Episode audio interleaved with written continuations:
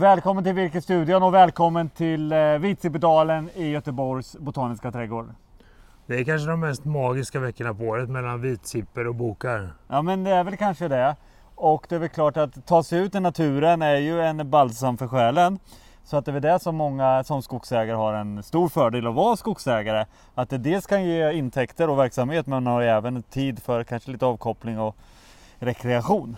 Som skogsägare så här års, vad ska man tänka på? Finns det några speciella åtgärder om man tänker på årshjulet? Ja men vi är på eh, vårsäsongen här. Vi har rapporterna från södra Sverige att planteringarna är i full gång. Eh, det är ju eh, många miljoner plantor som ska i. Och det är klart det här, men sen samtidigt om vi blickar norrut så är det ju fortfarande eh, mycket snö. Nej, men vi har den här sena våren som har gjorts till, till, till har ju märkts på många sätt. Vi, vi ser ju att eh, biobränslebehovet är ju fortsatt högt eftersom att det är kallt och det eldas mycket. Men som skogsägare är det väl skogsvården som alltid hör våren till. I takt med våren så driver ju också tjällossningen genom Sverige. Mm. Hur tycker du man ska tänka som skogsägare om man har skog som lämpar sig för avverkning vid tjällossning eller om man inte har det? Eh, men som alltid ska man ha en eh, långsiktig planering i det hela. Har du en post som är lämplig för det, se till att bjuda ut den när det är, som har bra förutsättningar när bärigheten är sämre. Då har du chans att göra bra affärer på det hela. Hur vet man att man har en bra tjällossningspost som vi kallar det? Nej, men dels självklart så har man ju att man har varit ute och tittat på den och man ser hur markstrukturen ser ut, att det är mycket berg i dagen och sådana saker och grovmaterial. Men sen finns det ju väldigt mycket hjälp, digitala hjälpmedel man kan kolla på för att se där, markfuktighetskartor och sådana saker. Så mycket av det finns ju på mina sidor på Skogsstyrelsen. Idag skiner ju solen också. Jag vill passa på att slå ett slag på virkesbörsen och våra skogsbruksplaner. Där har vi också lagt in potential för storskalig solenergiproduktion på fastigheterna. Då kan man gå in på virkesborsen.se, klicka sig fram till sin fastighet och se hur många hektar man har lämpliga för solenergiproduktion. Det är ganska elegant faktiskt. Och det utgår från tillgängliga ställverk, tillgång till regionalnät. Så det är som en teoretisk analys som har gjorts över Sverige och möjligheten att producera solenergi. Och det kan vara en bra affär att producera solenergi. Ja, men alla gånger och sen när man ser det att det här är mark då som man kanske inte använder, det går fortfarande som betesmark då. Men då kunna vara med och hjälpa till och eh, producera el och göra affär på det hela. Vi hade digital skogsägarkväll igår tillsammans med ATL Live. Det var det någonting som du fångade upp från den kvällen? Ja men alltså vi hade ju med då Vivica Bäckerman som är VD på Skogsindustrierna. Jätteintressant att höra då deras syn på det rådande läget. Det finns ju en optimism, optimism i, i det rådande läget, det måste vi säga. Och även hos David Jonsson då som är VD för Trä och möbelföretagen och han pratar ju en hel del om, om byggnationen då och kanske framförallt om det här med småhusbyggnationen där att Ja, det är ett ansträngt läge, men samtidigt så ser man ju också att det finns ju ett stort behov i framtiden. Vi har ett stort behov av Sverige att bygga mer bostäder och det är ju självklart, nu är vi lite partiska alla vi som jobbar med skog, men det är ju trä som ska användas när vi bygger. Också intressant att höra eh, Carl Kling från Green Gold som är ett eh, skogsinvesteringsfond kan man säga, hur de investerar i skogsmark utanför Sverige och att de gör det. De ser ju på lite andra styrkor på de marknaderna. De pratar en hel del om eh, Rumänien där det finns en helt annan marknad för, ja, här får man inte avverka skogen men här finns ju både ask och, och eh, alm och ädellövet och ek. Och det är klart där nere finns ju väldigt mycket ek till exempel som en stor och viktig inkomstkälla för det här skogsbruket. Jag tyckte det var så intressant för de lyfte fram att även om vi är mitt i en lågkonjunktur så går det ganska bra för massaindustrin. Ja. Holmen Paper gör 37% marginal i Q1 Södra säljer bara 27 ja. marginal, så det går bra för massaindustrin. Och Gustav Melin från Svebio sa att det går också väldigt bra för bioenergiföretagen och efterfrågan på grot och brännved är väldigt stor. Medan det går sämre då för trä och möbelföretagen som märker av så att säga, en sviktande konsumtion i spåren utav högre räntor, inflation och lite man, man är lite försiktigare med sin plånbok just nu som konsument. Ja men det tror jag. Tittar man då kanske på inredningsdetaljer, det kanske är lättare om du då behöver köpa någonting till ett hus så kanske det är lättare att ta någonting som är gjort utav eh, spånskivor istället för att köra någonting av massivt. Och det är klart, det där är ju kanske en liten annan prisbild på det hela också. Värt att lyfta fram också att kostnadsinflationen i skogsbruket klingade av i kvartal 1 så då blev det liksom inte dyrare att driva skogsbruk. Men virkespriserna har fortsatt uppåt och med det också då lönsamheten och rotnettot i att driva skogsbruk. Så inget dumt läge egentligen att bärga hem lite grann utav en god lönsamhet kanske? Nej men det är det ju och när man eh, tittar lite på kostnadsökningen där så den har ju varit stor. Men det, det finns ju de som, som vittnar om 30-35% att ökade avverkningskostnader under året. Och det är klart, har du då haft, eh, inte förhandlat dina virkespriser på något sätt, då har du ju kanske inte gjort någon bra affär. Utan det gäller ju alltså, alltså, alltså hela tiden konkurrenssätta virket, förhandla det. Men jag tycker också att man ska vara med på kostnadssidan och se vad, vad erbjuder egentligen den som köper virket. Vad kostar det att avverka? Vad är, och lite de bitarna kring det hela. Massaveden är upp 60% i Mellansverige, listpriserna då, jämfört med för ett år sedan. Och en sån prisökning har vi ju aldrig sett tidigare skulle jag säga på en ganska lugn och stabil marknad ja. historiskt. Och det återspeglas också i Sveaskogs resultat som var en tydlig förbättring mot tidigare kvartal. Mycket tack vare massaveden som anger och Expedit som en väldigt stark marknad för massaved men också grot och brännved. Och sen ligger sågtimret lite mera stabilt. Ja det gör det ju och eh, det är ju klart att jag ser det finns ju väldigt Trots att vi är, eh, som vi vittnar om det här, som David sa, att det är minskad efterfrågan i byggnation och sådana saker, men exporten på den sågade varan är ju fortsatt hög. Det lastas ut ganska mycket från de svenska hamnarna. Vi har en fördel där med kronan, den låga kronan. Eh, och det är klart att marknaden, de, alltså, de kommer ju smyga, Inflationen har ju gått ner i USA lite innan i Sverige. Så det kan ju vara så att det kommer igång lite mer där också. Så att behovet av eh, skogsråvara är stort. Men jag tycker vi ser att exporten av virkesråvara från Sverige ökar. Mm. Samtidigt kunde vi läsa i Rottneros rapport att de aktiverar nu importen av virke till Sverige för att liksom stävja konkurrensen om massaveden då i Sverige ja. primärt. Och det anger man ganska explicit i sin rapport. Så ja, det är en spännande marknad. Ja men sen samtidigt får man se det som att eh, innan kriget så klart då fanns det ju volymer från Ryssland. Så att det är klart, det, det är på marknaden så det kanske då satte ett världspris på det. Men nu finns ju inte det så att exportpriset är ju inte detsamma som det var för ett och ett halvt år sedan. Det måste man också ha med sig. Helt sant. För att kunna göra affär på virke så behöver man göra affär via Biometria i dagsläget.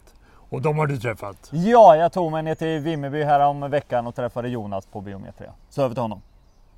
Biometria som ska träffa nu verkar under skogsnäringen med opartisk mätning och redovisning för hela skogsbranschen. Man jobbar även med uppföljning av skördarnas eh, mätnoggrannhet och eh, för maskinlagens aptering och tillredning ute i fält. Så häng med nu! Eh, Jonas Hemmingsson, chef på mätningskvalitet fält på Biometria och jobbar mycket ut i skogen då, mycket med skördarnas mätning och uppföljning på tillredning, aptering sitter här i Vimmerby eh, på Björkbacken och eh, ja, Biometria är ju ett eh, oberoende företag som mäter in det mesta virket i Sverige eh, och vi jobbar ju som sagt med även mer och mer ut emot skogen och följer upp virkesvärden. En sak som vi jobbar väldigt mycket med eller följer upp det är då det här med kvalitetssäkring av skördarnas mätnoggrannhet. Eh, det är ju ett eh, system som vi började jobba med 2008 ungefär och eh, idag är det ungefär 850 skördare som är kvalitetssäkrade som vi ja, följer upp längd och dimension och volymmätningen på.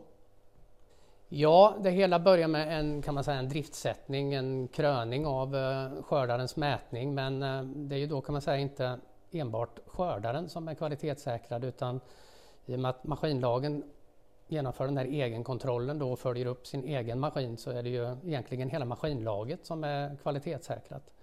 Så eh, vi börjar med en ganska omfattande ja, provmätning då på, på skördaren men även då hur maskinförarna klavar och, och mäter. Och eh, eh sen skördaren eh, ja, godkänd och klar så fortsatt så följer vi då insänd data då som kommer ifrån maskinförarens kontroll av eh, skördaren. Och eh, vi tittar kontinuerligt på det här eh, varje vecka och återkopplar då resultat, feedback till maskinlagen och liksom pushar och coachar dem då i ja, och nå en bra kontinuerlig mätning hela tiden då. Utöver det så åker vi då även ut på minst två fältkontroller då, ut i fält där vi ja, titta så de följer uppsatta rutiner och eh, kanske den viktigaste delen då verifierar att eh, maskinförarna liksom klavar och mäter, kontrollerar sin skördare på korrekt sätt. Då.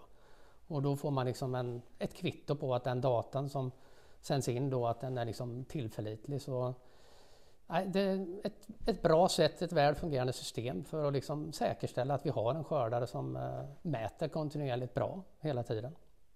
Kvalitetssäkrade skördare då, eh, varför är det så viktigt att vi säkerställer skördarnas mätning? Och det har ju blivit viktigare och viktigare. Eh, tittar vi då på, ofta så kör ju skördaren mot en prislista som i många fall, eller i vissa fall i alla fall, ligger till grund för värdet då som man får ut av sin skog när man avverkar den.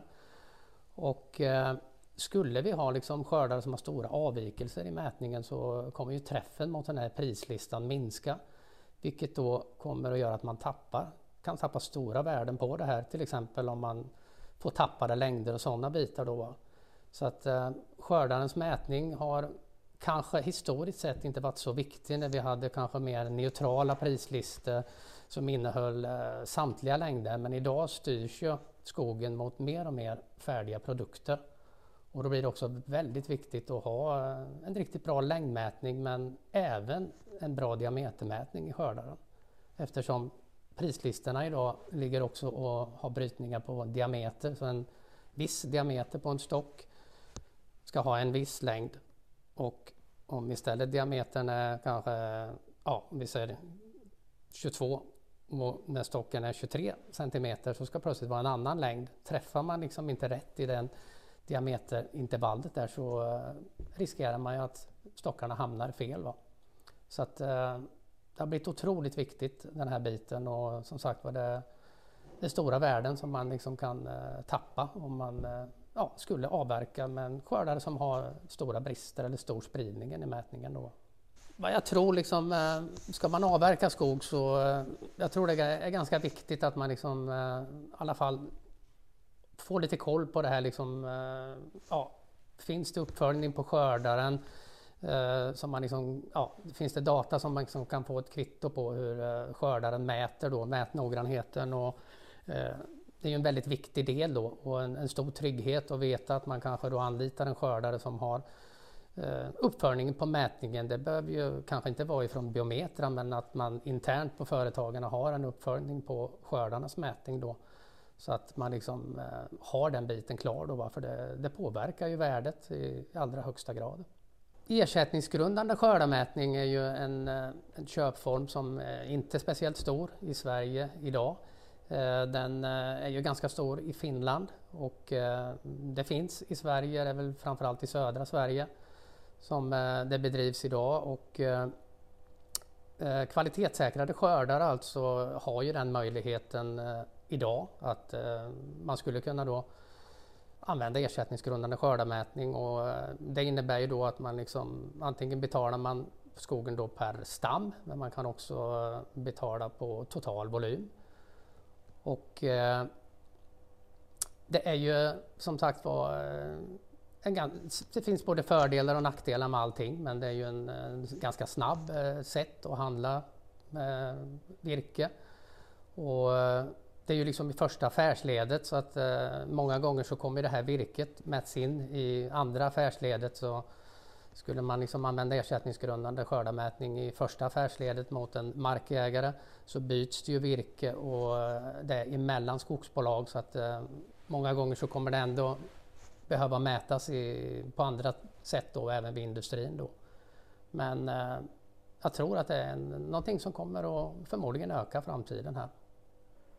Eh, biometrias roll när vi pratar då eh, ersättningsgrundande skördarmätning då när man betalar på skördarens volym är ju egentligen att vi, vi reviderar, kontrollerar skördarnas mätning men själva affären är ju en, en partsmätning så att eh, Biometria har ingen del i den biten utan däremot så följer vi upp och, och kontrollerar skördarens mätnoggrannhet i det här. Biometria jobbar ju idag ganska mycket med utbildningar också. Vi håller på att utveckla ganska mycket webbutbildningar och eh, vi har eh, en utbildning där om vi kopplar det till det här som vi har diskuterat med skördarnas mätnoggrannhet så har vi en, eh, en utbildning där som eh, riktar sig till liksom entreprenörer, maskinlag som eh, ja, vill ha lite tips och idéer hur man jobbar med sin skördare för att få, få till en bra mätning.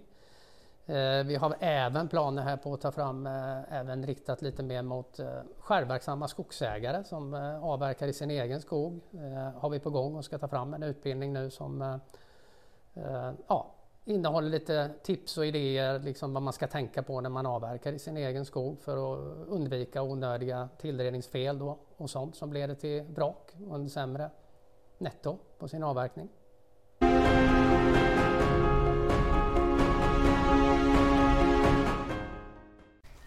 Tack så mycket Jonas. Jag är ju en sån person som aldrig, inte riktigt kan släppa det här med skördarmätning. Jag tycker att ibland att det är många man säga, moment för att eh, man ska kunna få betalt för den där stocken som växer i sin skog. Så jag tycker att skördarmärkning är någonting som är extra intressant och någonting som jag, är en fråga som jag egentligen bevakar lite extra. Man skulle också med skördarmärkning kunna tänka sig att skogsägaren fick snabbare och enklare återkoppling när det pågår en avverkning. Vad som är avverkat när det huggs och vad som körs fram. Ja men verkligen, alltså kunna få en notis egentligen att den här idag har vi avverkat så här mycket och även då koppla geodata där på de här ställena. Och sen samtidigt kanske säga catching i plånboken också, att pengarna kommer där direkt. Alltså ingen som ligger på, eh, på tröga penningflöden, det är ju inte så jätteaktuellt egentligen i övriga samhället. Så att...